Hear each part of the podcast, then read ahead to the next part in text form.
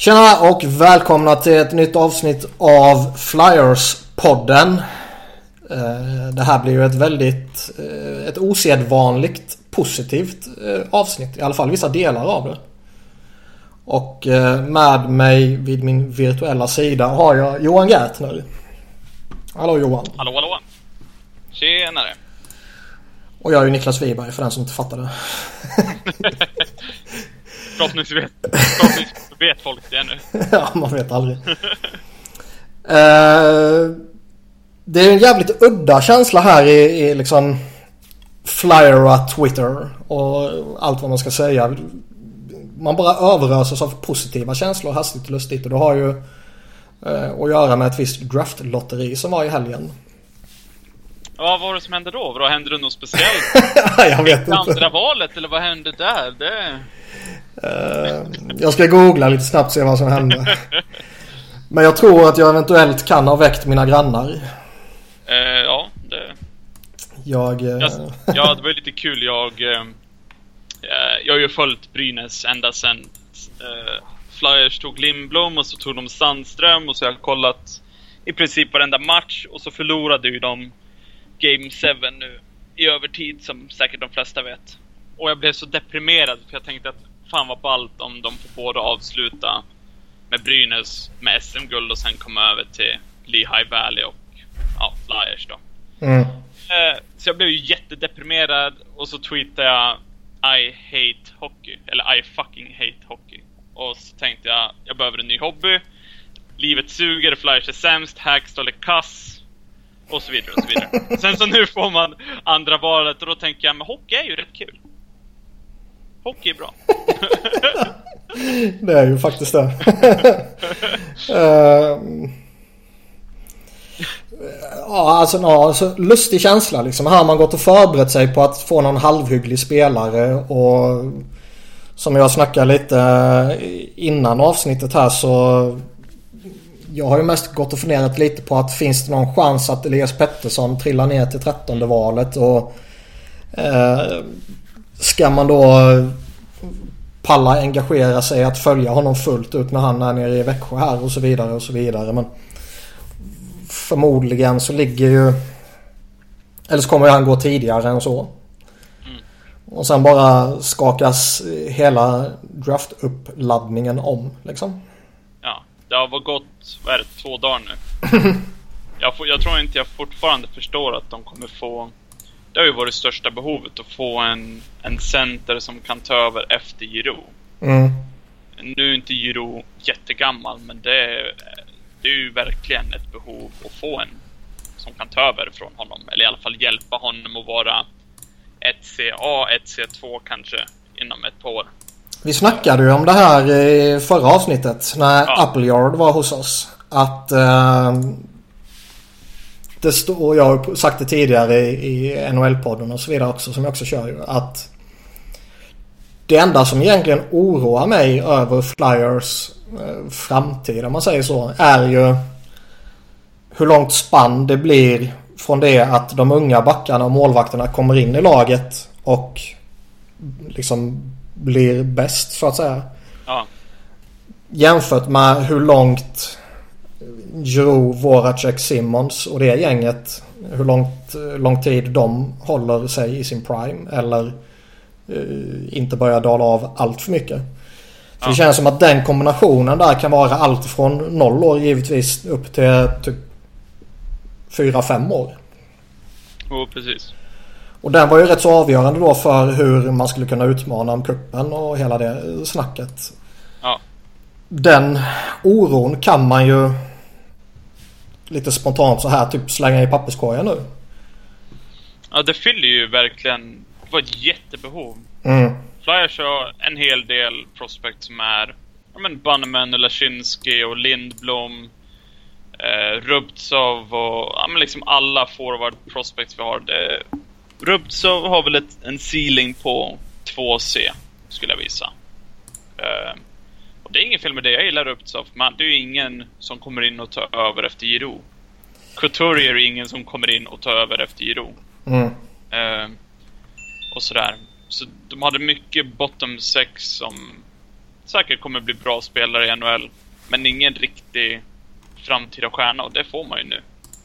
ja, det känns ju som att man får har fått hoppats på något mindre mirakel i att Vorbjov eller LaBerge eller uh, Rubtsov eller något sånt där ska blomma ut mer än vad alla typ förväntar sig. Mm. Och det känns ju väldigt osannolikt. Precis.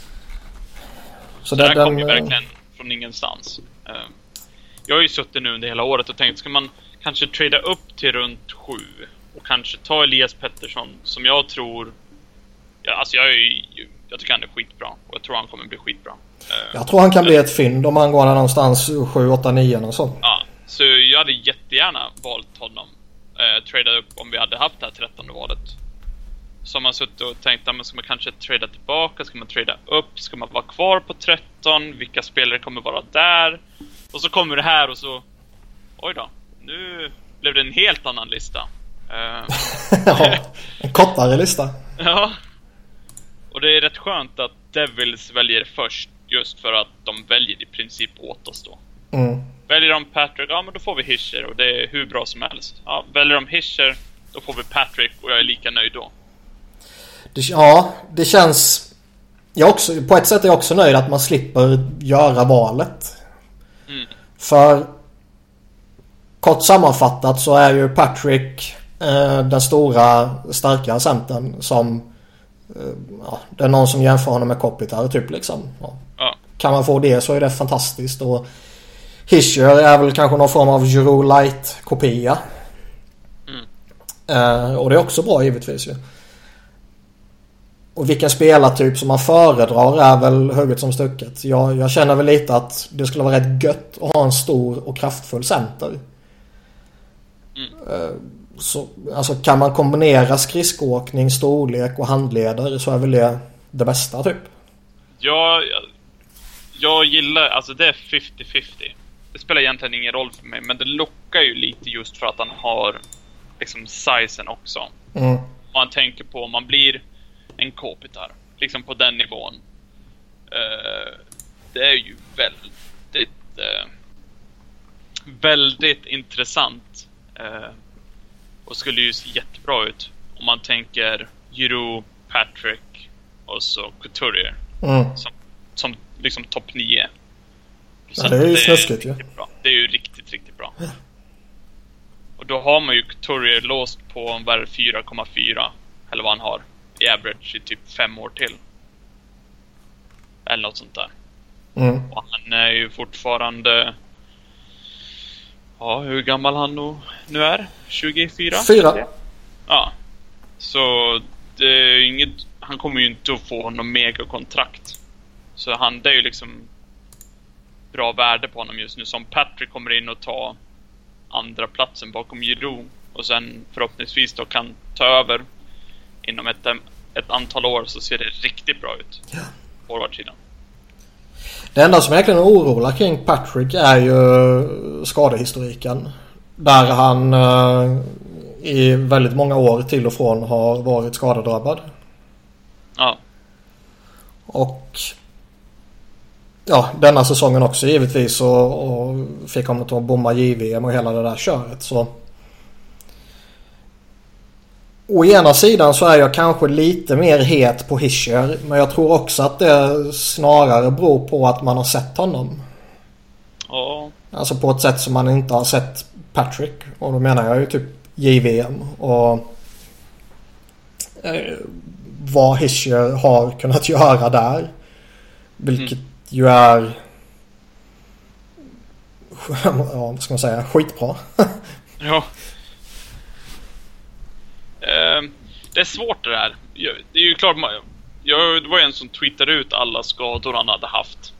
Uh, nu kommer jag inte ihåg riktigt vad det var för något, men det är ju collarbone två gånger och det är väl nyckelben. Mm. Uh, groin injury.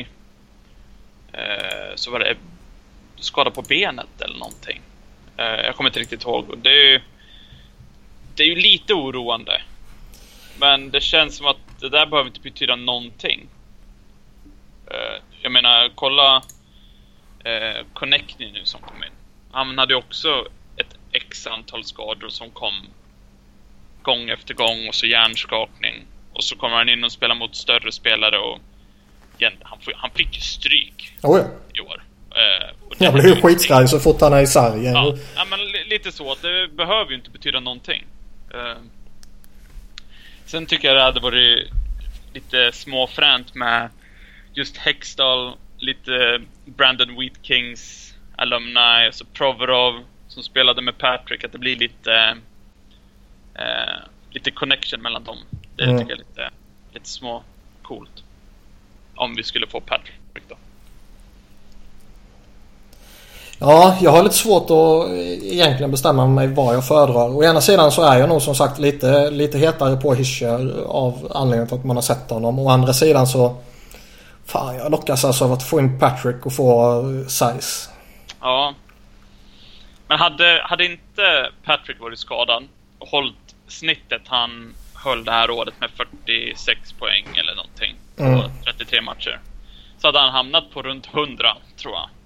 Då tror jag inte någon hade pratat om Hischer eller Patrick på samma sätt. Jag tror att det är lite skadorna som såklart är, har gjort att Hischer har kommit ikapp. Ja, skulle det bara varit denna säsongen så skulle jag ju inte brytt mig. Alla kan bli skadade liksom. Mm. Men med tanke på att det finns en historia. Så är jo, det... Alltså, jag säger inte att det... Alltså är, är det han som blir tillgänglig med andra valet så skulle jag ju inte tveka att ta honom liksom.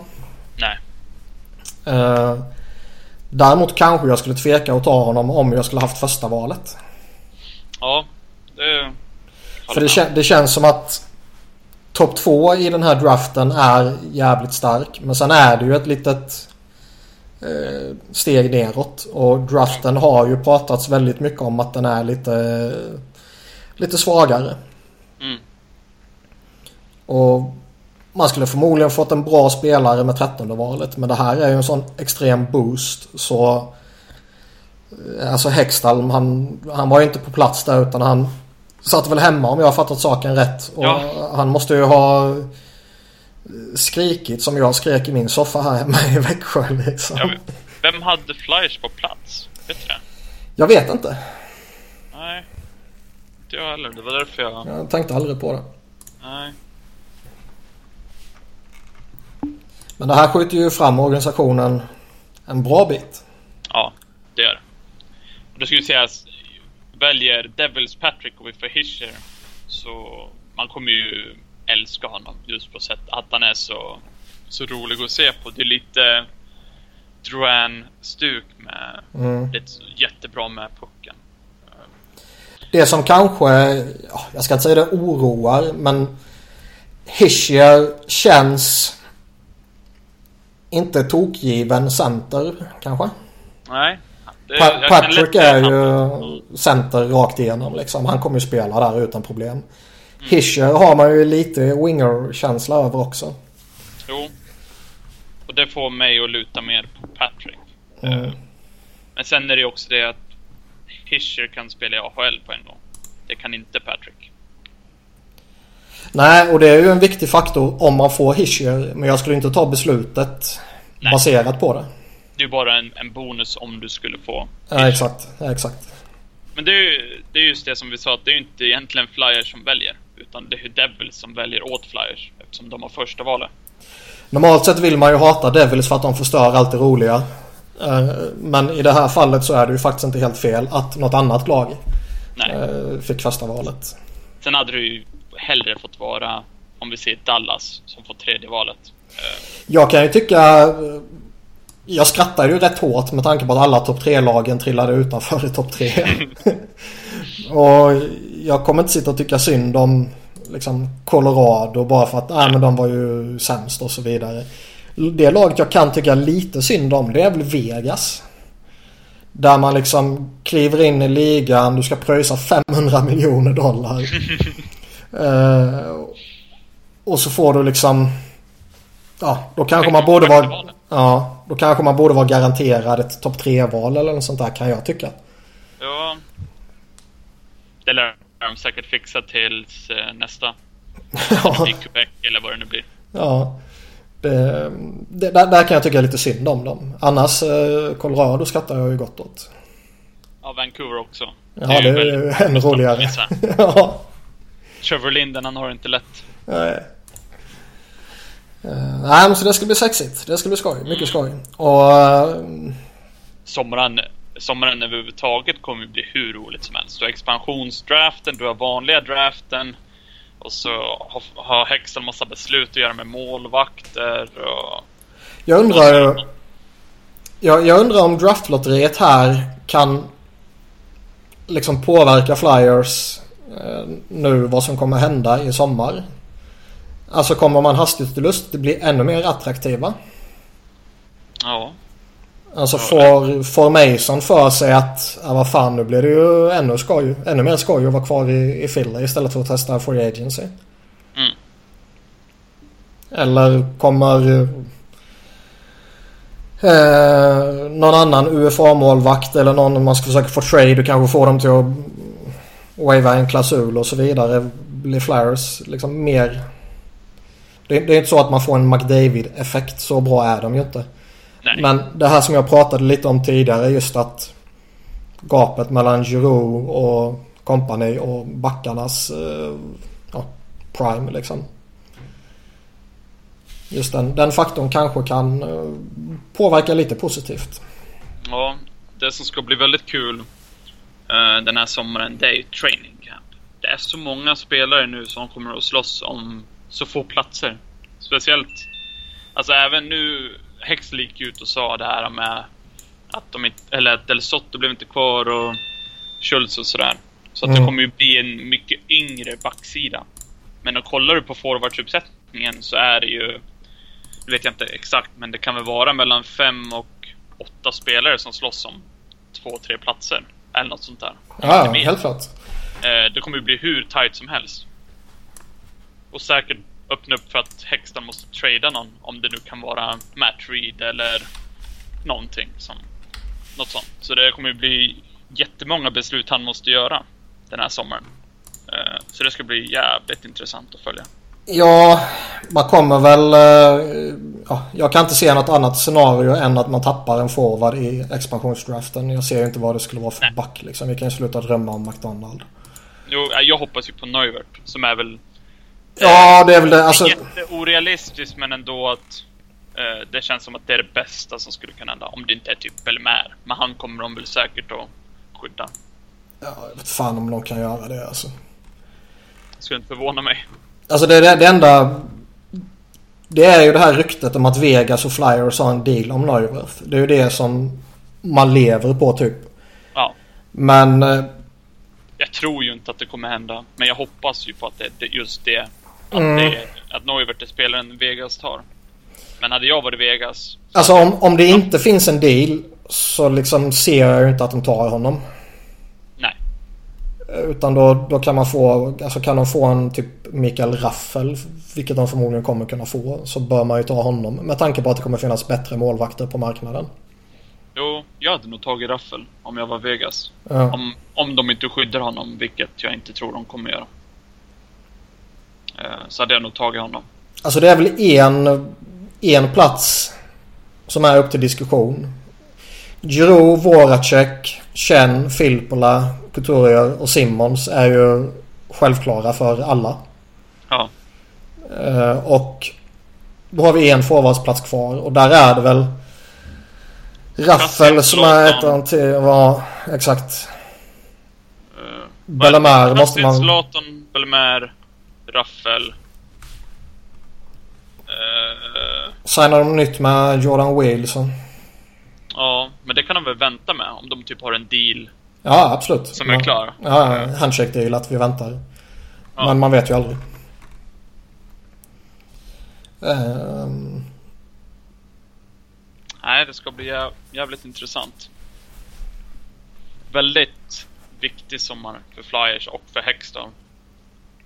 Han har inte riktigt råd att signa upp en till Dale Weiss och Boyd Gordon. Det var ju inget supervärvningar. Nej, Gordon uh, skets ju rätt saftigt ju. Men det var ju bara ett år. Så ja. under miljonen. Så det är bara att skicka ner honom i AHL så kan han ruttna där. Det är ju inget problem liksom. Sådana chansningar har man ju råd att göra utan att ja. det biter Och det bevisar väl ännu mer hur mycket Flyers behövde centrar. Ja. Uh,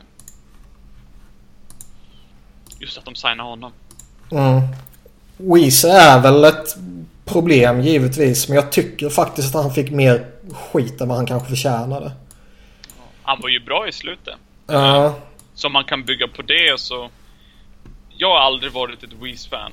Men jag trodde han skulle vara bättre.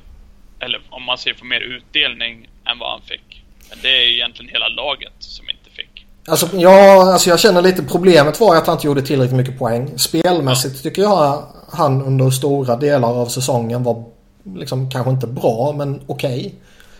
Och sen mot slutet då när han parades ihop med Couturier så såg han bra ut. Och ja. var ju värd sitt kontrakt liksom. Pytsade lite här och där och så. Uh, men att Dale Weezer kommer in, får lite problem med produktionen som en generellt sett relativt begränsad spelare. I ett nytt lag, ny coach, nytt system, nya uh, lagkamrater och så vidare och så vidare.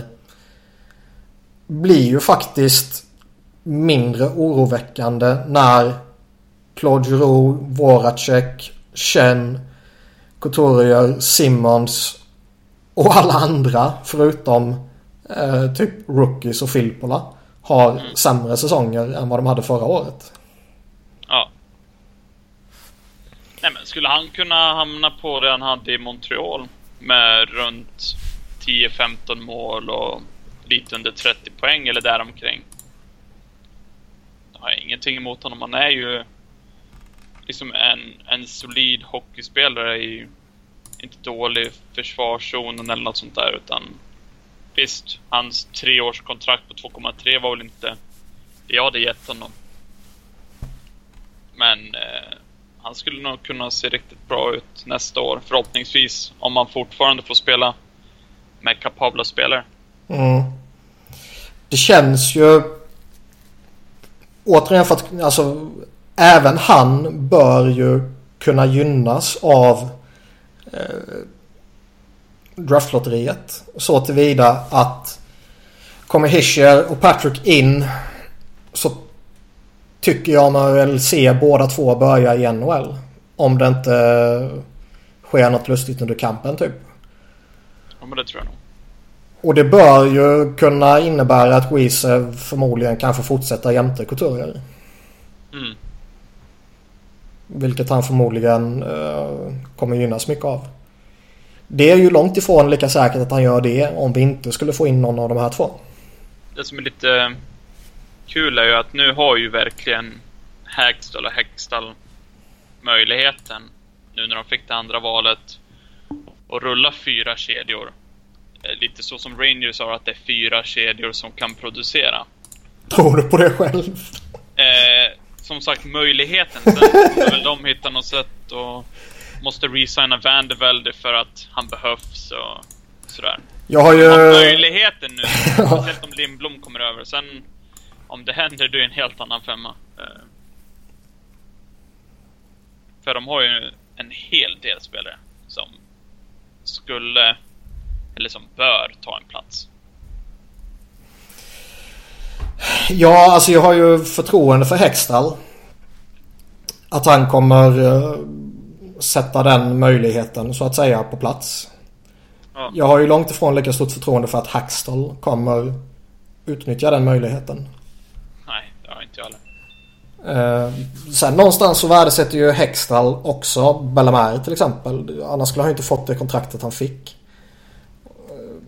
vem som bestämmer vem som ska få ett A och så vidare. Det tycker jag väl är, det är lite överdrivet den jävla paniken som uppstod när ja.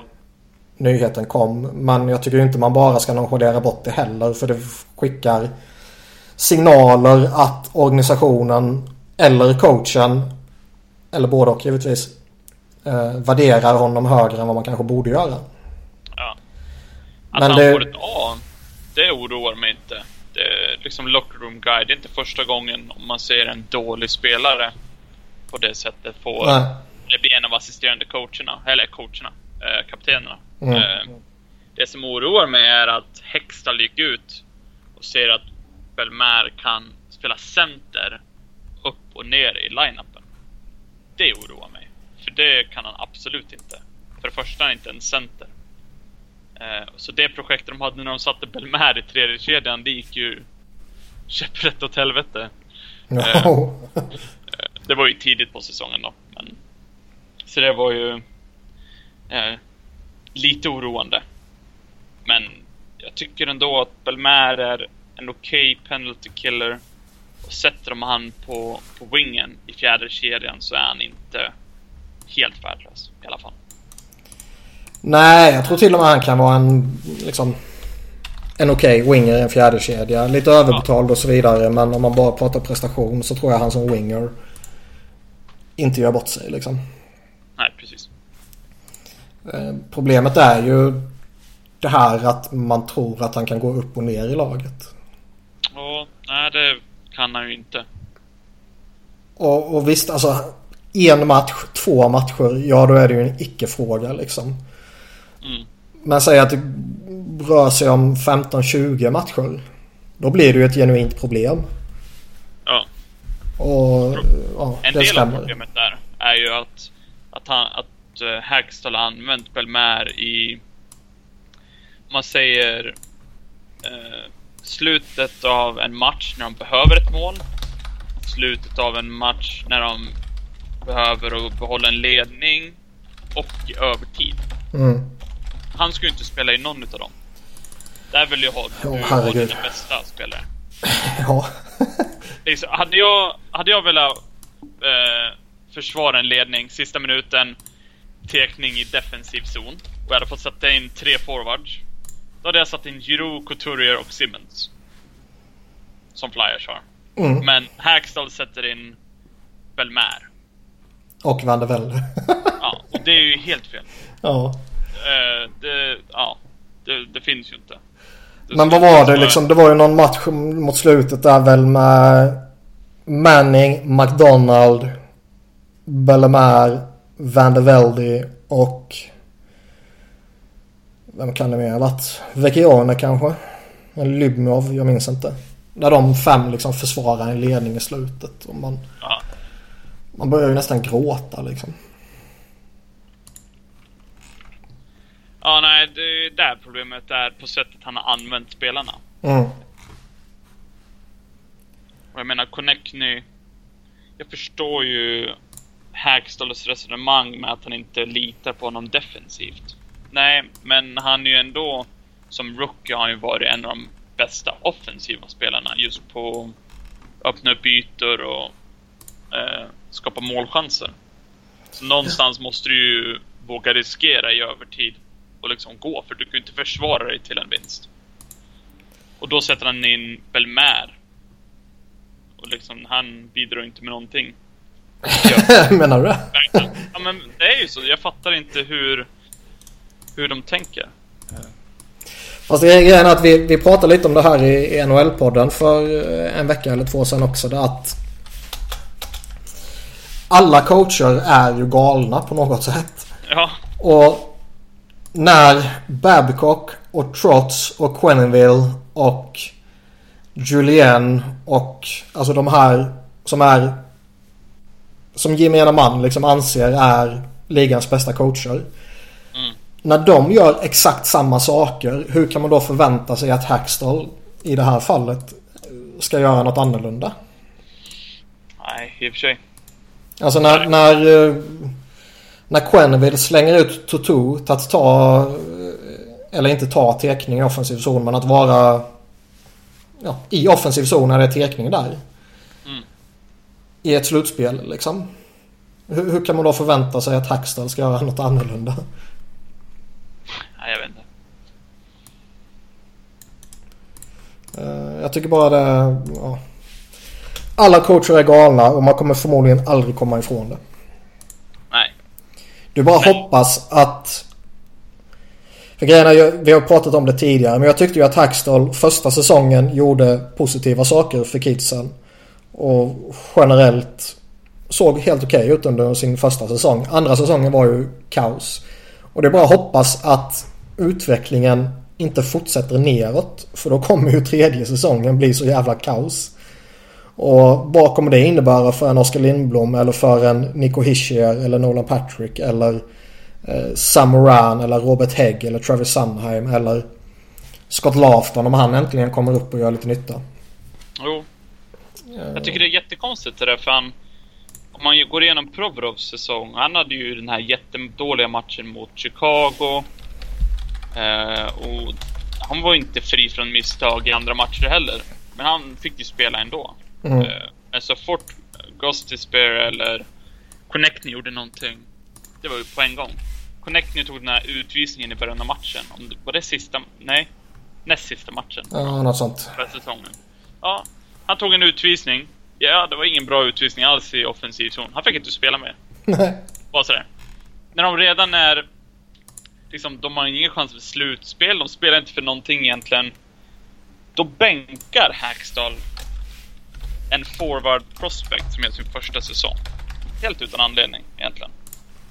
Bänka honom med ett byte, ja, kanske två. Och sen liksom, ja, så där kan du inte göra. Nej, jag vet. Matchen, herregud. Ja, alltså det, det var ju så typiskt för det var ju samma dag eller dagen innan så hade ju Mitch Marner gjort också några jävla misstag. Han var som direkt hade resulterat i ett baklängesmål. Babsan hade ju slängt ut honom på isen direkt efteråt. Mm. Och liksom, ja du gör misstag, här får du en ny chans ut och visa att... Att du liksom... Ja, du kan ta, komma igen efter det.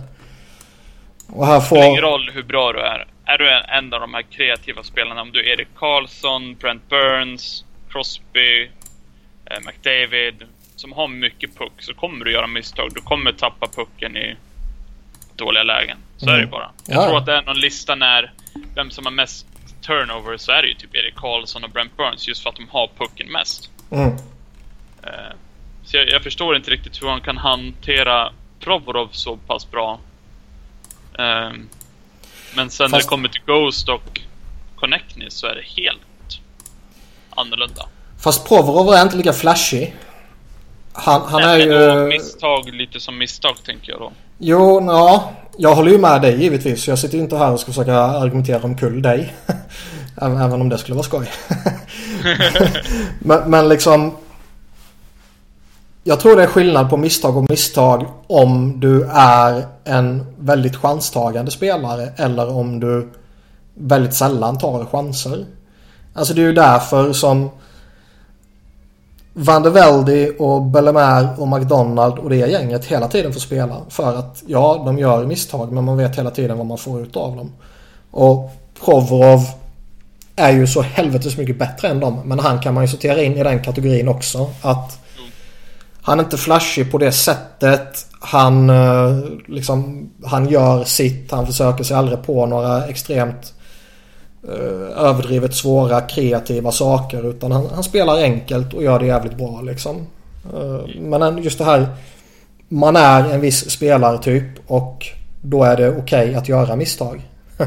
Men om du är... Du är sämst allt och gör misstag efter misstag så får du spela. Ja. Det vill säga Andrew McDonald. Ja, men det funkar ju så ju. Ja. Alltså, och det är långt, alltså Hackstall är inte långt, är långt ifrån ensam om det utan så det funkar tidigare också. Är du en, en destruktiv spelare så tillåts du göra misstag på misstag på misstag utan att det påverkar din speltid typ. För det är ingen som förväntar sig att du kommer göra något speciellt. Ja. Och då är det okej okay att göra misstag. Medan om du är en kreativ spelare som ännu inte har gått och blivit en superstjärna. Så tillåts du inte göra misstag. Jag tycker det är jättekonstigt det där. Men det är inte bara Flyers som har det problemet. Så, nej, som tur är. Ja, nej det... Men man blir så jävla frustrerad. Ja.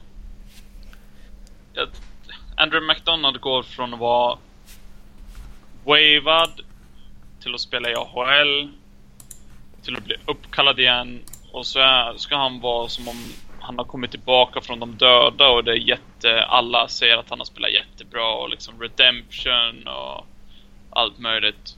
Och så... Ja, han har en riktig sopmatch där han har flera. Men ändå så spelar han 20 Mm. plus minuter varje match. Det eller så är han scratchad. Ja, det- det är det som är det lustiga. inget mittemellan.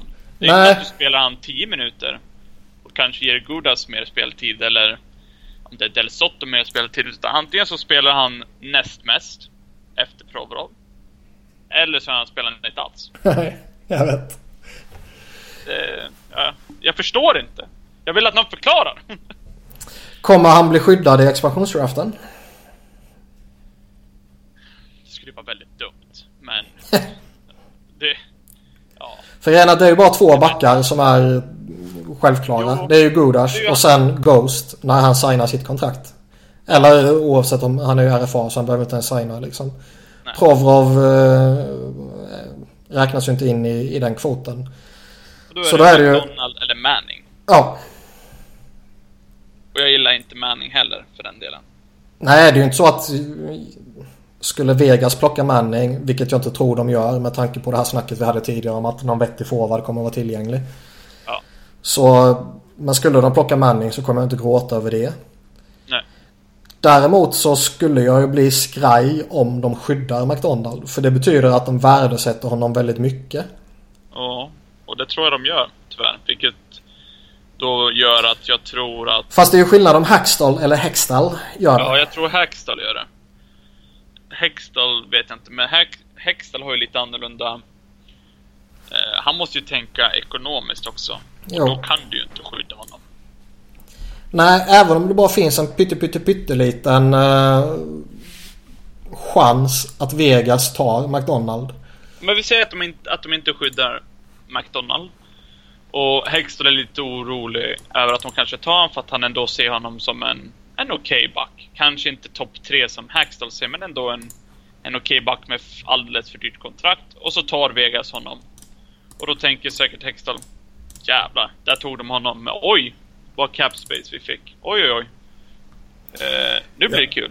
Lite så. Eh, Alltså det är inte så att... eh, Vad ska man säga? Det är inte så att... Uh, Mac, jag tycker väl att McDonald någonstans är bättre än Manning. oj.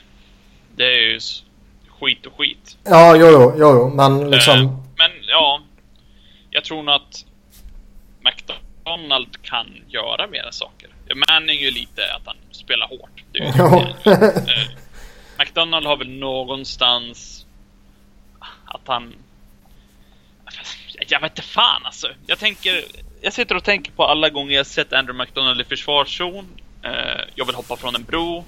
Så tänker jag när är anfallszon och då vill jag, efter jag hoppat från bron, så vill jag ta mig upp till bron igen och hoppa igen. Mm. Eh, jag vet inte, helt ärligt. Men jag tycker inte att du kan skydda en spelare som honom just på grund av hans kontrakt. Nej, Sätter, det... du, sätter du båda på, på, eller på Manning-kontraktet, båda spelarna, då är det 50-50. Då spelar det egentligen ingen roll. Då kanske jag hade skyddat McDonald. Ja, alltså jag, jag skulle ju aldrig någonsin få för mig att skydda honom. Jag bara menar Nej. att ha- han, han är nog den bättre spelaren av de två. Men Och, kontraktsituationen gör ju att Manning är så mycket mer attraktiv att behålla. jo, Och således Alltså måste man, man måste ge sig själv chansen att slippa undan McDonald. Även om man anser att han bidrar med någonting. Så finns det inte en Precis. människa någonstans som kan hävda att han bidrar för 5 miljoner. nej. Och just därför så måste du lämna hon, han oskyddad. Jo. Vilket jag tror Hextall också inser, även om han skulle... Även om han tycker att eh, McDonald har bounceat tillbaka lite. Det har han kanske gjort också. Men inte Ja. så pass mycket så att man måste behålla honom. Ja, det är viss, ibland så ser han ut att vara en okej femma, skulle jag säga, Mm. i backparet. Att när han inte syns, det är då han har en bra match. Men han gör ju så mycket misstag så ofta. Det är ju där det... Ja, det är inte bara att han gör misstag. Han gör ju stora misstag. Ja, det är ju där att han gör stora misstag om och om igen. Eh, du, och så kopplar du det till hans lön. Och att han spelar 20 plus minuter. Och att de parar honom med Provorov och så förra året med Ghost. Det är inte mycket som, som gör att man liksom tolererar honom. Liksom allting verkligen gör att man hatar honom. Han är för dyr, han är för dålig, gör för mycket misstag och han spelar med våra bästa backar. Det är det som oroar mig mest egentligen. Att, att man någonstans anser honom vara det bästa för organisationens eh, liksom eh, framtid. Ja. Och det är någonstans skrämmer mig.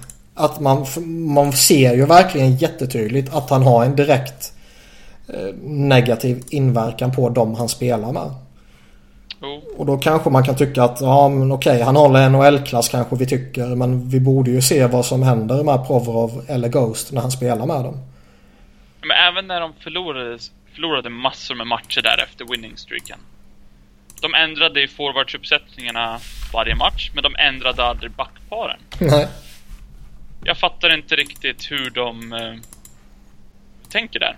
Eh, det är ju inte så att hade de ändrat och satt kanske Provorov med Manning eller Provorov med Del Sotto så hade de börjat vunnit igen. Men att de inte ens försöker. Ungefär samma som att de inte ens försöker att ändra powerplayet. Mm. Om det inte fungerar 15 matcher i rad. Att det går liksom lite på um, autopilot. Och där känns det som att Hackstall är, inte bara därför, men jag får, jag tror vi alla får intrycket att han är väldigt envis. Han är extremt envis. Det säger ju alla. Liksom. Det är inte bara fansen som sitter och hattwittrar utan det säger journalisterna och allt sånt här också. Ja. Att han är ju en av de mest envisa de har sett typ. Och jag hatar ju att jämföra honom med Tortorella. Men det är ju lite samma att det gick åt helvete för Tortorella senaste åren. Och så nu äntligen får man väl säga att han ändrar lite i sin coaching. Ja, det gav ju lite hygglig effekt för Blue Jackets. Så det är lite så jag hoppas att han lär sig från den här säsongen. Eh, och det hoppas man ju att han kan göra i VM när han får vara assisterande för Kanada. Jag tycker John Cooper är en väldigt duktig coach. Men eh, det är ju inte så att han har hanterat Jonathan Drouin till exempel Nej. perfekt. Så är det ju. Och det var ju det du sa, att det är inte direkt Hackstall som är den enda coachen som har eh, om man säger älsklingar i line-upen som kanske är lite sämre än så. Ehm, Jag hoppas ju däremot att de sitter och tittar på slutspelet och där man verkligen ser vilken positiv effekt man kan få av att faktiskt ha skickliga skridskostarka spelare i PK. När man ser att liksom hur, hur Rangers PK med liksom fast och, och Grabner ställer till med problem eller McDavid i Edmonton liksom. Nej, då ska vi istället envisas med att slänga ut Bellemare och Van de Velde. Och så Ja. blir det skottfest för motståndarna så fort de två är på isen och ska döda en utvisning. Och Mm. Visst, jag, jag kan väl någonstans förstå att det ser ut som att de liksom sliter arslet av sig när de är på isen. Men det är ju bara för att Det de de tvingas. säkert. och det gör de ju. Men det är ju bara för att de tvingas till det för att de är så jävla dåliga. ja. Och sen kommer det typ inte- Simmons och Coots ut på isen och så tar de pucken och så får de ner den i offensiv zon utan några problem. Jag tror ju fortfarande att Flyers hade gått till slutspel med två... På, alltså, hade målvaktsspelet varit average, liksom League average, så tror jag de hade gått dit. Mm. Hade Hackstall använt spelarna han hade tillgängliga på bästa sätt och använt Coots och Simmons som första PK. Kanske in med Reed, Giroux eller någonting. Och så, och så vidare. Eller Raffel eller liksom sådär. Och de hade jobbat på andra PP-uppställningen eller kanske ändrat någonting i första PP-uppställningen. ehm, och så rent bara genom att ändra sådana små saker som är väldigt enkla och i alla fall försöka så då tror jag de hade gått till slutspel. Mm. Och det är ju det som gör det så frustrerande för vi alla kan se att ja men ta andra PP-uppställningen. Vem ska spela på Giroux plats? Ja, det är ju Travis Connectney. Han ser ju ut som Giroux. liksom.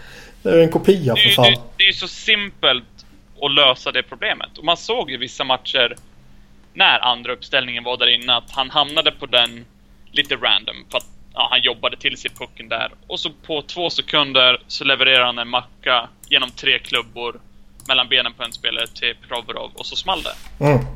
Och då tänker man, ja men det där måste ju till och med Mullen ha sett att oj, Travis Connectney på Giros plats, det kanske vi ska testa. Ja. Men nej, där sätter de Couturier. Ja, nej. Ja. Det är så mycket. Ja, vi kan ju ta det. Mallen fick ju kicken. Vi kan hoppa in på den pucken direkt ju. Ja, Han fick ju kicken. Eh, alla andra coacher får stanna kvar. Och jag skulle väl gärna personligen sett alla coacher bara ryka. jo, jag med. Men jag har väl också förståelse för att man inte vill dumpa iväg alla. Och Mm. jag gillar att man inte bara ja, accepterade skiten och körde vidare typ. Det är lite förvånande att det är just han som får kicken. För han har ju ändå, Det kändes som att det var han som skulle sitta sig. kvar. Ja, exakt. ja, topp 10 PP sen han kom till Flyers. Ja. Och att i alla fall första uppställningen har ju alltid varit bra. Men då måste ju Hextall ha tänkt att ja men andra PP har du inte fått att funka. Så då, då får du kicken. Mm. Men att LaPerriere får vara kvar betyder ju då att Hextall skyller på, på spelarna. Att eh, penalty killing har varit dåligt. Mer än att det ligger på coachen. Ja. Lär det eh, göra eftersom han får vara kvar. Lite Ja, eh, el- eller så... Alltså det är som vi har pratat om tidigare också. Hur mycket har den assisterande coachen att säga till om? Ja. Alltså det kan ju vara att Hackstall kommer in och säger Nej men Joey, du har kört PP här i så många år. Alldeles utmärkt. Fortsätt köra ditt, jag bryr mig inte liksom. Ja. Eh, Men så ska han själv styra upp PK. Och Lappi står bara som hans knähund och gör som han blir tillsagd typ. Jag tror Lappy är jättebra med spelarna. Liksom så väldigt... Eh, lite som Berube var när han var assisterande. Att... En players En coach. kompis liksom. Ja. Mm. Eh, har man sett Flyers PK senaste... Alltså sen han tog över, det har ju inte sett bra ut. Sen hur mycket som ligger på att de spelar Vandervelde, Belmer och McDonald som första val. Det har nog en hel del att göra med det. Så Ja. hade det sett bättre ut om du har en om du har en penalty killing uppställning som är Gudas Provorov, Simmons Couturier som första. Mm. Och så ett andra med kanske Moran, eh, Moran, Hägg, Reed har du, du har Ruffel. Belmer tycker jag faktiskt ändå är OK i penalty killing. Det är inget problem att han spelar så länge man inte använder det paret. Ja. Du har Giro, Raffel, Reed, Belmer, Filppula. Du har så många alternativ som är bättre, om inte, eller som är lika bra, om inte bättre, än Belmer. Och så är allihopa bättre exakt, exakt. Eh, Det är inte riktigt... Belmer kan jag köpa, men att Vandervelde ska ha så stor del, det... Men det är precis som att man måste någonstans berättiga hans existens i laget med att han är en PK-specialist. Ja. Och det är han ju inte. Nej, nej, nej, nej, men någonstans. Ja, men han kämpar hårt, han krigar, han försöker allt i varje byte. Och eh, det gör att jag vill ha kvar honom. Men jag inser att han är väldigt begränsad i sitt utförande. Men om jag någonstans kan få honom till att vara en PK-specialist så måste han vara kvar i laget. Mm. Sen tycker jag, och nu menar ju inte jag att... Nu var det ju med Hackstalls röst jag sa det så det var inte att jag tycker Nej, så. Men någonstans tycker jag också det är lustigt att man kan inte peta en spelare för att han är viktig i PK. Men det är inga som helst problem med att peta en spelare som är viktig i PP. Ja. Ghost till exempel. Jo. Och just PP, för att gå tillbaka till mallen tycker jag ju... Alltså visst första uppställningen har varit så framgångsrik i så många år. Så jag tycker väl det är helt fair att man fortsätter med det som har gjort den framgångsrik. Men under de perioderna där första uppställningen inte är framgångsrik och det kommer ju alltid ske under alla säsonger. Så testar man ju aldrig någonsin något nytt. Nej, precis. Det är alltid exakt samma uppställning. Eh, och nästan alltid exakt samma spelare. Det ska ju faktiskt bli kul att se hur de gör nu med nya coachen. Vem det nu blir. Mm. Hur han lär ju vilja sätta sin touch på powerplayet. Så det ska bli kul att se om de sätter hur de gör det. Och om det kanske kan få, om vi säger en Couturier och börja uh, göra lite poäng i powerplay. Mm. Vilket då kommer att lyfta honom till runt 50 poäng säger vi. Om man får en riktig boost. Eller... Just nu gör han ju i princip bara uh, even strength poäng. Eller kommer han få ännu mindre powerplay-tid för att ja. vi får in Hischier eller Patrick? Jo men lite så att det, det, kan ju ge en boost för vissa eller att det blir ännu mindre eller att det kanske inte fungerar överhuvudtaget just för att de är så vana med att spela på ett visst sätt i PP. Jag, tyck, jag tycker väl dock att om man bara pratar första uppställningen vilket typ är det som är relevant. Ja. Så har jag inga problem att de fortsätter att köra med det som de har kört. Med, med Simon framför kassen och sen Voracek och Giroud i varsin cirkel typ. Och Chen i, i slottet och Ghost på blålinjen. För det har ändå funkat. Men som sagt, de, när det inte funkar så måste man prova något annat. Liksom. Man kan inte bara köra vidare med allting. Nej, den PP-uppställningen borde ju ha fler kombinationer. För nu är det ju pucken till Giroud. Giroud lägger den antingen till Ghost, mm. eller så lägger han den till Simmons som försöker sin spin... Vad han nu gör. Spin-grej när han mm. försöker trycka in den. Eller så är det one-timer till Chen, det som Hartnell brukar göra. Och så ibland försöker han den rakt igenom till Voracek. Och det fungerar i princip aldrig. Nej. Nej. Det är mycket som... Eh, de förlitar ja. sig alldeles för mycket på att den ska gå till Ghost och så ska han skjuta och så ska Simmons eller Chen styra. Jag hade jättegärna sett dem att flytta runt på något sätt. Ja, jag skulle gärna... Bob Roberts är ett Twitterkonto som alla borde följa. Ska du säga det när de spelar bakom målet? Ja, exakt. Det, det är ja. ju, vad är det, Chipachov-gänget väl, tror jag. Ja, Från KHL som lägger sitt powerplay med två spelare bakom förlängda mållinjen på varsin sida målburen då. Ja. Och så styr de där vilket tvingar målvakten till att typ sitta i målet ju. Mm. Och backarna måste ju sjunka in extremt mycket och forwards måste komma väldigt långt djupt ner vilket öppnar upp väldigt fina lägen för liksom direktskott tätt in på mål. Ja. Och, och liksom ja, spelarna ser inte riktigt på samma sätt och kan inte hålla koll på samma sätt vad som händer bakom dem. Därför han, Bob Roberts är väldigt duktig på att lägga upp intressanta klipp. Ja, nej ja. Så det är en bra... Jag brukar alltid kolla på hans videos när han lägger ut. Ja, det är en bra follow. Och liksom, fan testa något sånt sätt. Voracek och Giroud som är två utomordentligt duktiga playmakers. Bakom, eh, bakom förlängda mållinjen liksom. Och låt typ Connectney och Ghost bara stötta fram på direktskott från de två och sen låt Simmons eh, döda framför kassen. Något jag saknar just i första pepet där. Du har ju en gyro till Simmons. Att de, att, att de kan lägga direkt till Simmons. Men de vet ju hela tiden vad Giroud vill göra. Nu är Giroud kanske ligans bästa powerplay. Eh, om man säger quarterback. Mm. Som allting går igenom honom. Mm. Så han löser ju det ändå. Men jag hade jättegärna sett att om, om det nu skulle inte funka och det liksom det går powerplay efter powerplay och det vill sig inte eller att de hela tiden pressar Giroud kör genom Voracek. För han öppnar upp så mycket yta på sin kant. Och så där Simmons står, på, om man ser på vänstersidan, eh, liksom längs med mållinjen. Sätt mm. Där. Och så vrider du på det så att istället för att Voracek, eller för att Voracek får pucken och att han ska göra någonting så kommer Giroud att få den med yta. Mm.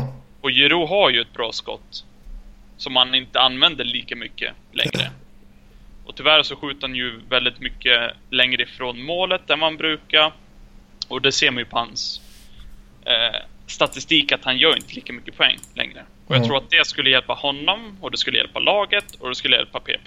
För nu står ju Båda check på sin kant. Och så går det Ghost, Jiro. Ghost, Jiro. Och så Ghost, skott. Så kanske det blir styrning, hade blivit målchans. Och så kämpar de ju tillbaka pucken. Och så är det Ghost, Jiro. Ghost, Jiro. Jag tycker det är lustigt att man inte använder honom mer. Det är ju ingen skitspelare man har där. Någon som Nej. man måste sätta på isen bara för Han är att... ju jättebra Ja, på öppna. Det är inte någon som man bara fyller ut eh, för att ha fem spelare på isen liksom. Nej, Så jag, jag, tycker det, nej, jag tycker det är väldigt lustigt. Jag fattar inte. Men visst, han fick sparken så... Nej, det ska bli kul. Jag hoppas att det blir bra. Men eh, Ja, det hoppas jag också. man är ju lite rädd att det kommer gå åt helvete. Att nu så kommer inte PP att funka och så suger de på even strength och så kommer det bara bli kaos av alltihopa. Lite så känner jag. Lite negativt. ja. Fast så länge man har tillgång till de här spelarna så tror jag att det ska vara jävligt mycket till för att ett PP, eller rättare sagt för att första uppställningen eh, ska vara värdelös under längre tid. Mm. Alltså du har en av ligans bästa playmakers i PP. Du har en av ligans bästa eh, spelare framför kassen i PP. Och du har liksom en, eh, en Ghost som är jättebra på blålinjen. Bara det borde ta dig väldigt långt. Alltså det känns ju verkligen som att du kan sätta första PP-uppställningen och att de kör sin grej och så kommer de att ligga topp 10-15. Mm, Beroende på hur mycket packlack och, och så vidare. mm, Men man vill ju att de ska kunna ta sig upp till topp 5 igen. Som de var ett tag. Mm. Men har de, om vi ser att PP är lika bra som det har varit senaste 5, 6, 7 åren. Men att de eh, blir bättre 5 mot 5. Så kommer, då blir de ju ett bra lag. Nu lever de ju alldeles för mycket på powerplayet och har gjort en bra tid. Alltså, det är så ja, med tanke på laget man har haft med eh, sen Pronger gick sönder. Mm. Så har de ju stått och försökt att plåstra ihop det med massa skitspelare. så är det. Jag tyckte väl mig se lite efter man fick in Filippola så fick man ju på riktigt tre bra kedjor. Och lite som vi pratade om tidigare så kan man ju faktiskt få fyra bra kedjor kommande säsong. Och backbesättningen kommer förbättras så får man bara lite bättre målvaktsspel. Det vill säga League average typ. Ja. Ja. Och man någonstans räknar med, vilket jag tycker man nästan kan göra, att 5 mot 5 spelet kommer bli lite bättre kommande säsong. Mm. Så kommer man ta ett stort kliv framåt. För denna säsongen känner jag ju var ett litet steg tillbaka. ja, man är ju ett bubble team. Mm. Och förra året när man gick till slutspel, då var man också ett bubble team. Och då tog man sig till slutspel. Men då var målvaktsspelet topp 5. Ja, alltså Där någonstans. snackar man eh, räddningsprocent i 5 mot 5 spelet förra säsongen. Så tror jag Flyers var bäst. Ja. Om man tar de gemensamma målvakterna då. Och, Och hur denna bra var man i år? Sämst. Ja, typ tredje sämsta så här tror jag man landar Ja. på. Och det, är- det är ju det som är skillnaden mellan att missa och inte gå med om du är ett bubble team. Jo. Ehm, Så det... Det är inte jätteförvånande att man missar. Man är ju mer förvånad att man missar slutspel när man får in Provorov, får in Connectney och tappar Amberger och Le Cavier. Det är väl lite där man blir förvånad. Det borde man varit missar tvärtom. slutspel med dem, men inte med Provorov och Connectney. Mm. Ehm, Ja.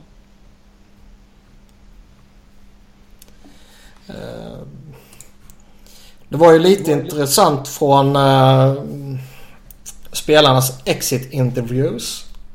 Mm. Där det var några som faktiskt svingade lite mot Dave Haxtell. Jag tyckte det var hur kul som helst när jag läste dem. Det var ju skitskoj men det är ju Ja. faktiskt direkt oroande också. Ja. Att... Eh, Jag döljer smärtan med, skratt. men, men liksom... Det här att Ghost går ut och mer eller mindre som jag tolkar det bekräftar det som jag har eh, misstänkt och förfärats över att de har försökt förändra honom på något sätt. Ja. Och att det liksom inte funkade och så säger han ett direkt citat typ att Nej, jag sket i det. Jag bestämde mig för att gå ut och ha skoj istället. Att vara kreativ. Jag bryr mig inte om jag får skäll. Och hastigt och lustigt så bara blev han den gamla vanliga Ghost igen. Oj, vad han var bra i slutet. Mm. Och det måste, alltså ja. Jag kan inte dra någon annan koppling än att coachstaben har försökt få honom till att spela mindre kreativt och tråkigare och säkert och så vidare och så vidare. För det är ju det som är hela Dave Hackstall. Ja men det är ju det som är så dumt. Det är ju det sämsta du kan göra till en spelare som Ghost Despair. Ja. Det Ghost Despair bidrar med är just sin kreativitet. Tar du bort det så är han en undersized. Ja, exakt. Som är, som är, som är okej okay, defensiv. Han är inte dålig defensiv. Du tar ju bort allt som är bra med han. Mm. Uh, det, det är det absolut sämsta som de har gjort då. Ja, men du måste spela mer safe. Ja, då syns han ju inte. Ja, nej, verkligen inte. Och nu så såg man ju hans skridskoåkning, hans eh, såhär stutter step på blå linjen, tog sig förbi sin checking, ja allt sånt där och öppnar upp medspelarna. Mm. Det var ju sånt man inte såg innan. Nej, nej, det var ju typ som att han inte hade det i sig längre. Mm. Och det är ju jätteoroande om det är det de vill få ut av en spelare som Ghost. För du har ju ändå Sanheim som kommer upp som är lite liknande eh, Oh ja. offensiv back. Eh, och att de till exempel om de skulle börja hålla på med Provorov och få han att ta bort sin offensiv som är hur bra som helst på att vara den som kommer in i fickan bakom i anfall. Mm. Jag vet inte hur många gånger nu den här säsongen Flyers kontrar och så kommer Provorov perfekt in bakom. Även om han kanske inte fick pucken för att Flyers är sämst på odd man rushes. Så ser man, han kommer, hans spelförståelse är så bra och han kommer i som bra timing och sådär. Uh, skulle de ta bort det från hans game så är han ju fortfarande jättebra defensiv men du tar ju bort en stor del av en back. Mm. Det är ju jätteoroande faktiskt. Ja, någonstans så an, antingen ser man ju inte spelarnas styrkor eller så någonstans väljer man ju att blunda för dem och Ja. försöker forma dem utefter någon mall som inte är relevant 2017. Vilket jag tycker är väldigt oroande. Och man såg ju målvakterna svingade ju mot eh, honom också. Att eh, de inte riktigt var nöjda med hur de hade matchats och att målvaktssituationen rent allmänt var kaosartad. Att ingen visste vem som var första målvakt. Båda vill ha en utpekad första målvakt. Man visste inte vilket förtroende man hade och, ja, och så vidare och så vidare. Ja. Och Ja, Han har ju misskött målvakterna. ja, han har ju kört, han har ju kört dem i botten. Ja. Och sen slängt in en matchotränad målvakt när den andra har eh, fallit ihop. Och det gjorde han ju alltså, till stor del förra säsongen också. Han körde ju... De red ju Mason in i slutet där så att de i och för sig lyckades ta sig till slutspel men han var ju helt sönderkörd när slutspelet väl kom. Och det är ju inte så att Neuvert eller Mason har varit speciellt bra på att hålla sig hela. Båda har ju lite eh, skadehistorik. Mm. Även förra året, men också i år. Så sättet han har coachat, det är inte så att han spelar att han har Lunkan som går in och spelar liksom. Han var väl ändå rätt, eh, Lundqvist var väl ändå rätt van att gå in och spela 65-70 matcher år. Inte längre kanske just på att han har blivit lite äldre. Men det är inte en sån målvakt Flyers har. Utan man borde väl tycka att de borde förstå att de borde vara mer försiktiga. Och så även när de hade Stolars så sket den i att spela honom. Även fast han spelade bra när han väl fick chansen. Ja, han var ju jättebra. fortsatte med en av dem. Eh, med en av Mason eller Neuvert. Jag tror det var Mason. Mm. Jag fattar inte deras beslut ibland. Vi, nej, vi kan hoppa vidare på målvaktsdiskussionen då för Hextall mer eller mindre bekräftade ju att Neuwirth och Stålarts inte kommer bli Flyers målvaktspar kommande säsong. Utan att man kommer gå efter en målvakt till sommaren. Men att man inte vill signa honom till ett långt och dyrt kontrakt. Vilket var bra att höra känner jag. Ja, man var ju lite orolig på Ben Bishop där. Eh, liksom signa han sex år, sex miljoner. Mm. Det är ju liksom ett till Bryskalov-kontrakt. Nu tror inte jag att Bishop skulle spela så dåligt som Bryskalov gjorde om man kom till Philly, men det är ju liksom den viben man får. Mm. Och det är ju riktigt bra att han inte vill ha ett sånt. Väldigt skönt att höra. Det är ju inte direkt det Flyers behöver, ett till dyrt, långt kontrakt. Nej, framförallt inte på lite åldrande målvakter. Alltså, ja, de, de målvakterna som förmodligen är aktuella om man pratar penning UFAs för att få ett dyrt och långt kontrakt är ju Bishop och kanske mm. Mason. Ja. Och, och liksom två lite äldre målvakter, lite skadeproblem här och där. Man vet inte riktigt hur bra de kommer vara om några år. Nu vet man ju i och för sig inte om någon men det finns ju alltid olika nivåer på oroandet så att säga. Men att signa upp någon av de två skulle kunna bita Flyers i röven rätt hårt om tre år. Ja. I synnerhet som man har då i första hand Carter Hart och eh, Sandström på uppgång. Mm. Så att man verkligen, vad det verkar som, väljer att ja, nobba långt och dyrt kontrakt. Det ser jag ju bara som positivt. Men här, här kan man ju då också gå tillbaka till, till det vi började podden med, med, med andra valet då. Att bli Flyers hastigt och lustigt mer attraktiv så att av de lagen som har en målvakt, alltså en tydlig målvaktsöppning eh, den här sommaren så kanske Flyers är det mest attraktiva stället att gå till. Och då kanske en Bishop eller en Mason är redo att signa kortare. Ja, man ser mitt drömläge, om jag hade fått välja, eh, så hade det varit att signa Mason igen. På ett tvåårskontrakt. För man hade ju fått lov att betala lite mer än vad man har nu. Ja. Så lite löneökning. Men att det inte är längre än två år. Det hade varit det bästa. Mm. Och att man inte skulle ha signat Neuvert. Utan att det skulle ha varit Mason Stolars. Ja. Eh, men jag, jag, jag tror ju inte Mason kommer tillbaka, tyvärr. Det känns lite som att de kommentarerna han la där om i synnerhet Dave Hackstall mot slutet och att man var väldigt missnöjd med att man körde, ja, att man roterade målvakterna att man inte visste vem som var första alternativet och så vidare. Och ja. att man väl vad det verkar som kommer fortsätta med det kommande säsongen då både Hackstall och Hextall verkar vilja ha det så. Ja. Jag förstår ju Mason att han inte... Han är 28 Eh, jag vet inte om han har fyllt 28 eller om han ska fylla... Eller om han fyller 29 år.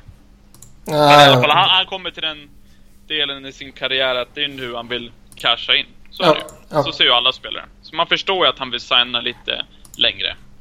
Eh, och det är helt klart. Och så som han har spelat sedan han kom till Philadelphia så förtjänar han ett sånt kontrakt. Han var inte jättebra i år. Det var han inte.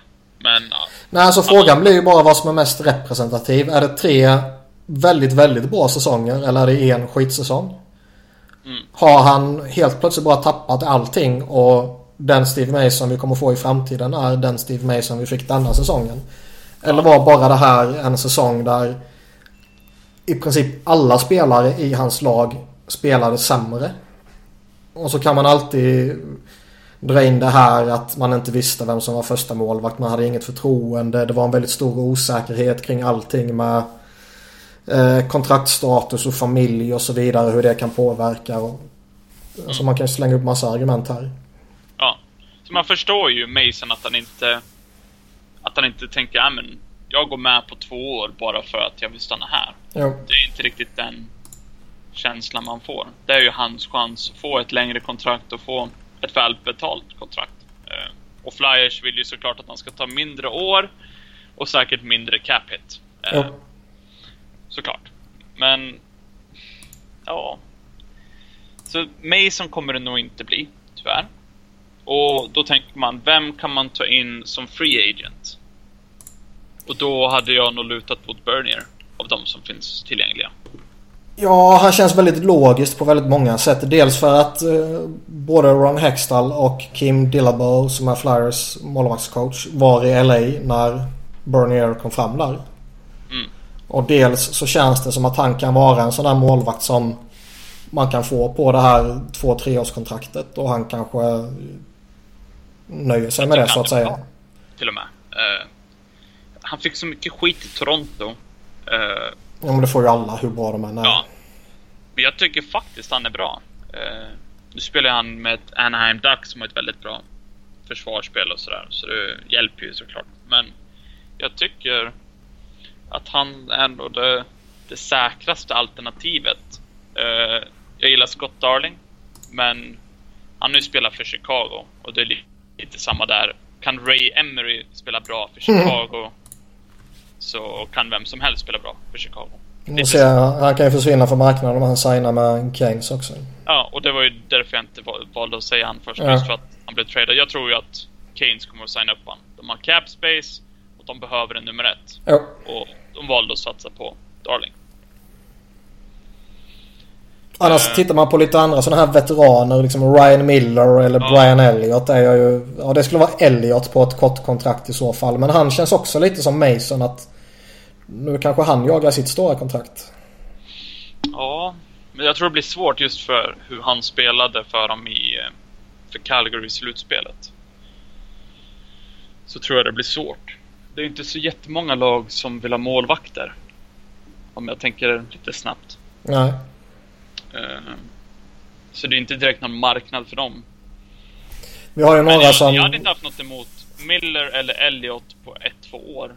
Du, det, kän, det är lite som Filppula, man vill ha in någon som är okej. Okay. Du vet att du inte får världens bästa spelare, men som ändå är okej okay och kan bidra mm. tills prospects är redo. Mm. Men hur, hur lång tid tar det innan Carter Hart eller Sandström är redo? Eller ja, jag vet inte. Nej, jag känner det svårt. Den, den enda jag egentligen skulle känna mig... Alltså jag, jag räknar ju bort både Mason och Bishop för det känns som att de kommer få sina pengar någonstans. Nej. Och den enda jag verkligen skulle känna mig trygg med av de andra då UFA-alternativen är väl Bernier typ. Ja. Darling kan säkert vara jättebra men det är lite osäkert kort. Mm. Så Bernier har man liksom, som du sa, Hextall och Dillabo connection så att säga. Plus att jag tycker att han är... Jag tycker han är bra. Så han är nog den jag hade valt. Uh, det är svårt. Det, det, finns, det är lite uh... intressant med det här trade-scenariot vi snackade om förut med, med Dallas. För att ta en av Lehtonen eller Niemi. Mm. Det känns ju inte heller aktuellt nu.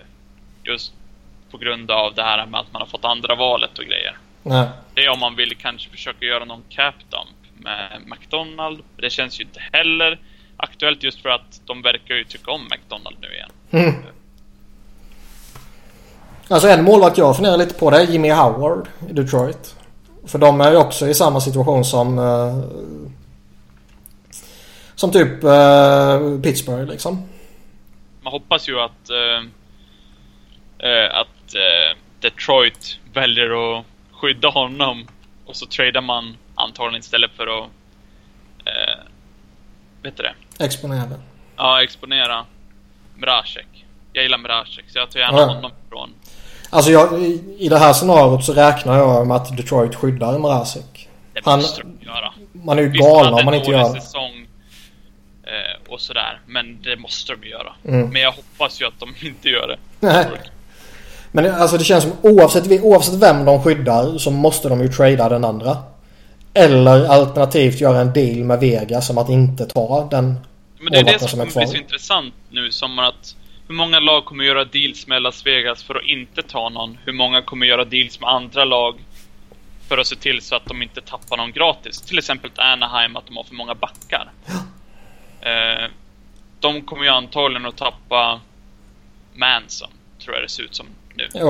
Och Manson är bra. Uh, inte någon Cam Fowler eller så kanske, men han är ju fortfarande en bra back. Så just nu så tappar de Manson gratis. Och då tänker jag ju lite så här, det var flera som har pratat om det på Twitter också, att Flyers har en spot kvar där man kan protecta en back. Och där, om man behöver en right hand defenseman och visst man har Myers som kommer, men det är inte säkert att han är redo. Mm. Hur bra vi än tycker att han är. Då hade ju Manson passat in jättebra. Oh ja, oh ja. Och Anaheim är säkert jätteöppna. För då vet de att de inte tappar han gratis och Flyers får någonting de behöver. Och att de kan protekta honom. Ehm, så det är sådana scenarion som säkert öppnas upp med fler lag. Som skulle bli väldigt kul att se. Mm, helt klart. Lite, vad gör Pittsburgh med Flurry eller Murray? Det är ju jättesimpelt att man, man skyddar ju såklart Murray om man är Pittsburgh. Men vad gör man med Flurry? Eller Flurry, skeppar man iväg honom? Köper man ut honom? Problemet, problemet är att han har ju en no movement-klausul. Ja. Så man måste ju lösa han innan man kan skydda Murray. Jo, men det är ju sånt där som öppnas upp nu som man just fått expansionsdraft som ska bli jävligt kul att se. Mm. Det, det måste ju bli massa trades. Ja, herregud. Ja. Och trades älskar vi. Ja. Fast Flyers kanske inte är med så många längre. Fast det bör bli någon eller några forwards, tycker man. Ja, Som vi pratade om det- tidigare. Ja. De har ett överflöde. Och alla kan man ju inte dumpa ner till AHL. Varför inte casha in när du väl har ett sånt överflöde och kanske få in ett till extra pick eller... Ja, även om det är att man tradar, vi säger... Raffel. Bara för att ta en forward som är risken av att bli tagen, eller till tagen eller tappa gratis. Vi säger att Hextall är lite rädd att tappa honom. Ja, då kanske man tradar honom för Josh Manson. Mm. Eller någonting liknande. Och det hade varit jättetråkigt att tappa eh, Raffel. Men då blir ju försvaret mycket bättre också. Van, de behöver ju right hand defenseman, så är det ju. Jo, minst sagt. Nej, så det ska bli kul. Nu kommer jag inte ihåg vad vi pratade om. Vi pratade om målvakter. Vi pratade om målvakt. Josh Manson. ja. Ja, så kan det gå. Eh, ja, nej. Men det ja. Jag har svårt att se att man tradar för en målvakt. Oavsett om det är Jimmy Howard eller någon av Dallas-målvakterna eller... Liksom Flurry ser jag ju inte som ett alternativ. Nej. Och inte för att Flyers inte vill ha honom utan för att Pittsburgh inte kommer släppa honom till Flyers. Nej. Jag hade ju jättegärna sett Antiranta. Men han har ju ett år kvar. Fast han är också en sån där spelare som jag... Han är duktig.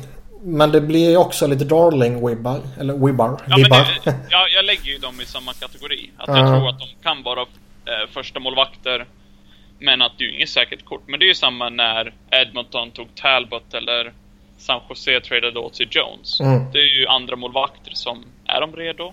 Är de första målvakter? Ja, vi tar en chansning och så. Nu var ju de två det bästa som kunde hända. Liksom. Mm. Talbot, att han blev så bra i Edmonton, det trodde man väl kanske inte. Och samma med Jones, att han skulle vara så bra i San Jose. Det är ju bästa scenariot. Ja, men någonstans känns det ändå lite mm, säkrare med Bernier. Ja, det är ju det säkra kortet. Så han, han är nog min favorit tror jag. Mm, jag tror det också. Jag gillar ju idén av Antiranta mer tror jag. Just för att jag- har någonting för finska målvakter. Jag vet inte, det börjar med... det börjar med Nyttimäk och grejer. Det...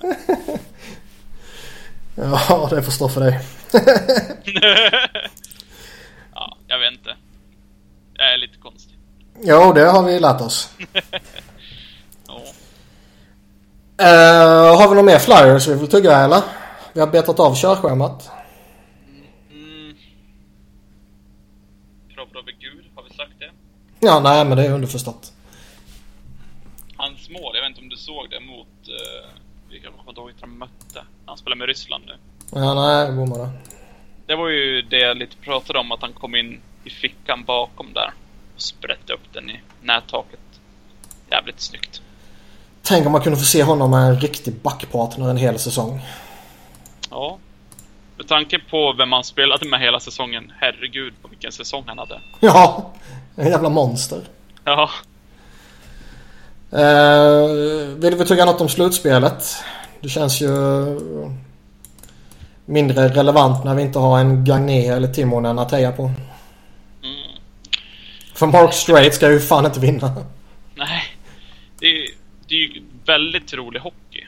Massa övertid och jämna matcher och sådär. Och man ser ju hur, hur mycket bättre de flesta lagen är. Mm. Och det är ju mycket tack vare att de rullar fyra kedjor. Som faktiskt är fyra kedjor. Mm. Ehm, och inte en AHL-kedja.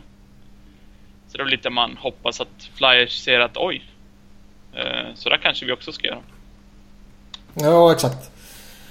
Eh, ja, det är lite lustigt sådär men man kan ju njuta av slutspelet på ett annat sätt när ens eget lag inte är med. Ja, jag tycker ju... Jag har lite svårt för Edmonton, speciellt efter McDavids grej med Manning där. Ehm, att han var lite grinig, Crosby, maner sådär. Men oj vad bra han är, McDavid. Och Oh ja. vilket mål han gjorde. Ja. Ehm, ja, alltså jag har gjort likan, liknande mål i NHL. på Xboxen. Jo, jag förstår att du menar det. Ehm, men oj, oj, oj, vad han är bra. Och vilken... Uh, vad ballt det är att se Edmonton-fansen. eh, att det är så mycket liksom, passion. Eh, när de spelade borta i Anaheim och de hade hela, hela arenan fylld i Mm. Edmonton. Rätt coolt. Mm. Ja, nej, det är ju bra hockey. Det är roliga matchserier och när man inte bryr sig liksom så kan man ju bara sitta och njuta och titta och... Ja, och så Nashville är också jävligt roliga. Det är också... Jag förstår inte Jag folk som... Nash- Nu har ju du varit där och Ja. kollat på dem live. Så jag vet ju att du har blivit lite kär i Nashville-staden och eh, så. Men... Och La Violette.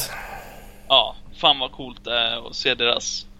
Och jag gillade, jag vet inte om du har sett det, men... Eh, jag vet inte vem det var, men det var någon som la upp någon sån här survival kit.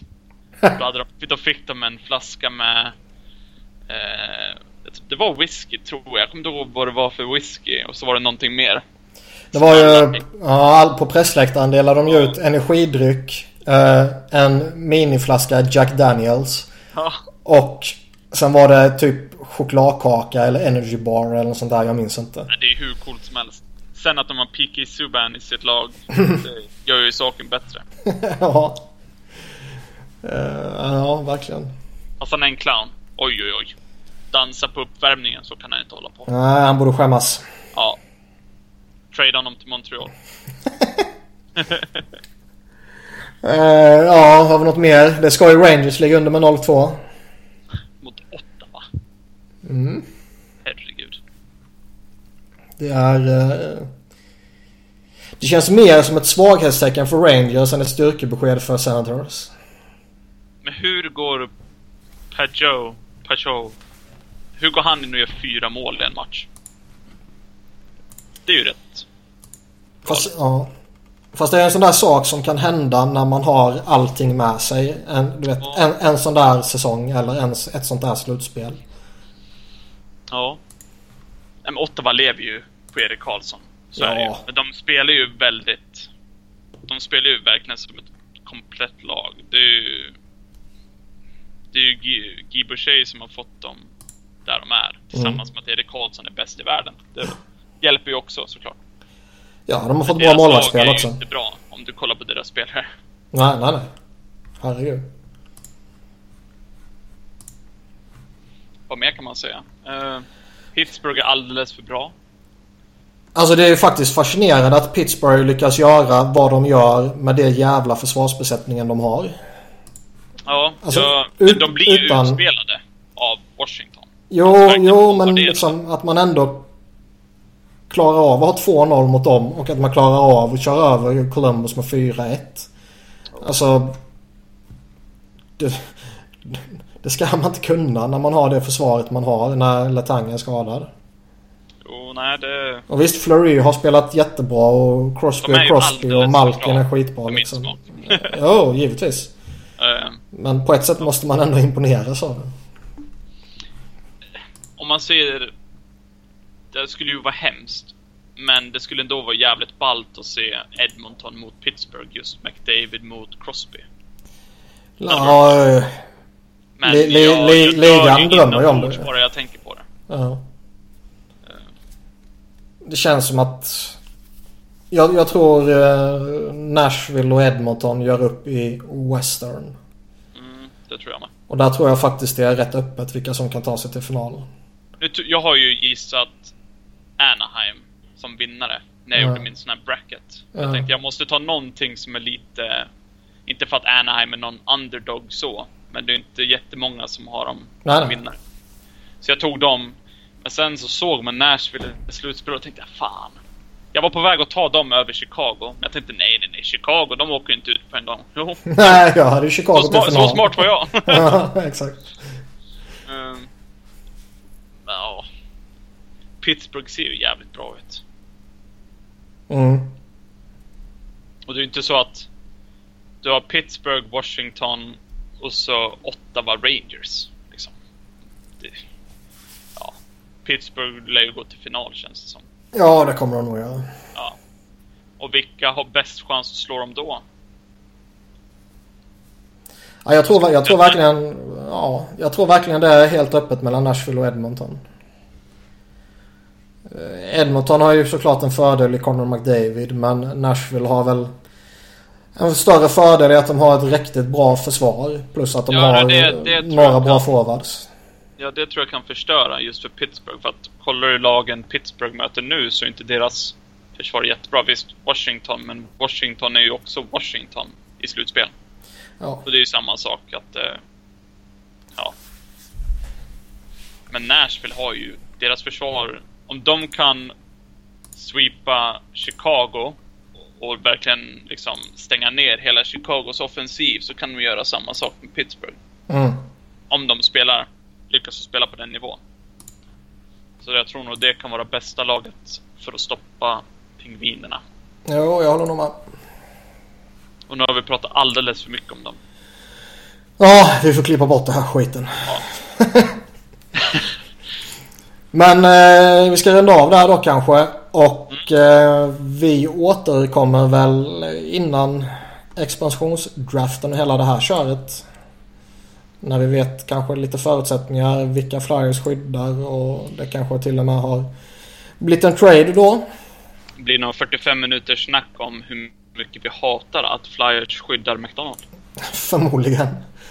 Men innan det sker så har vi ju ytterligare några veckor på oss att njuta av antingen Nico Hischier eller Nolan Patrick. Woho! Det jobbiga är ju att man kommer hypa upp sig så hårt på båda två nu. När man vet att man är skyldig att förakta en av dem om två månader. Eh, det som är lite... Ingen av dem, oberoende på vem vi får, så kommer, ju- de kommer ju inte leva upp till den hypen som har hänt nu just för att man hoppat till andra picket. Hade, de, hade Flyers varit så dåliga så att de var andra sämst och fick andra picket, då hade det fortfarande varit jättehype. Men då hade alla liksom varit förberedda på att vi skulle få en av Hischer och Nolan. Äh, Ja, Patrick. nu kan Men de bara nu, nu misslyckas. när vi har, egentligen skulle ha trettonde valet så det här ska ju vara den vi får, det ska ju vara McDavid liksom. Ja. Den nivån. Annars så...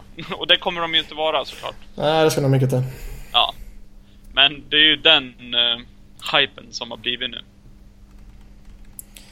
Så de kan bara misslyckas alltså. Ja, välkommen till Philadelphia. Exakt.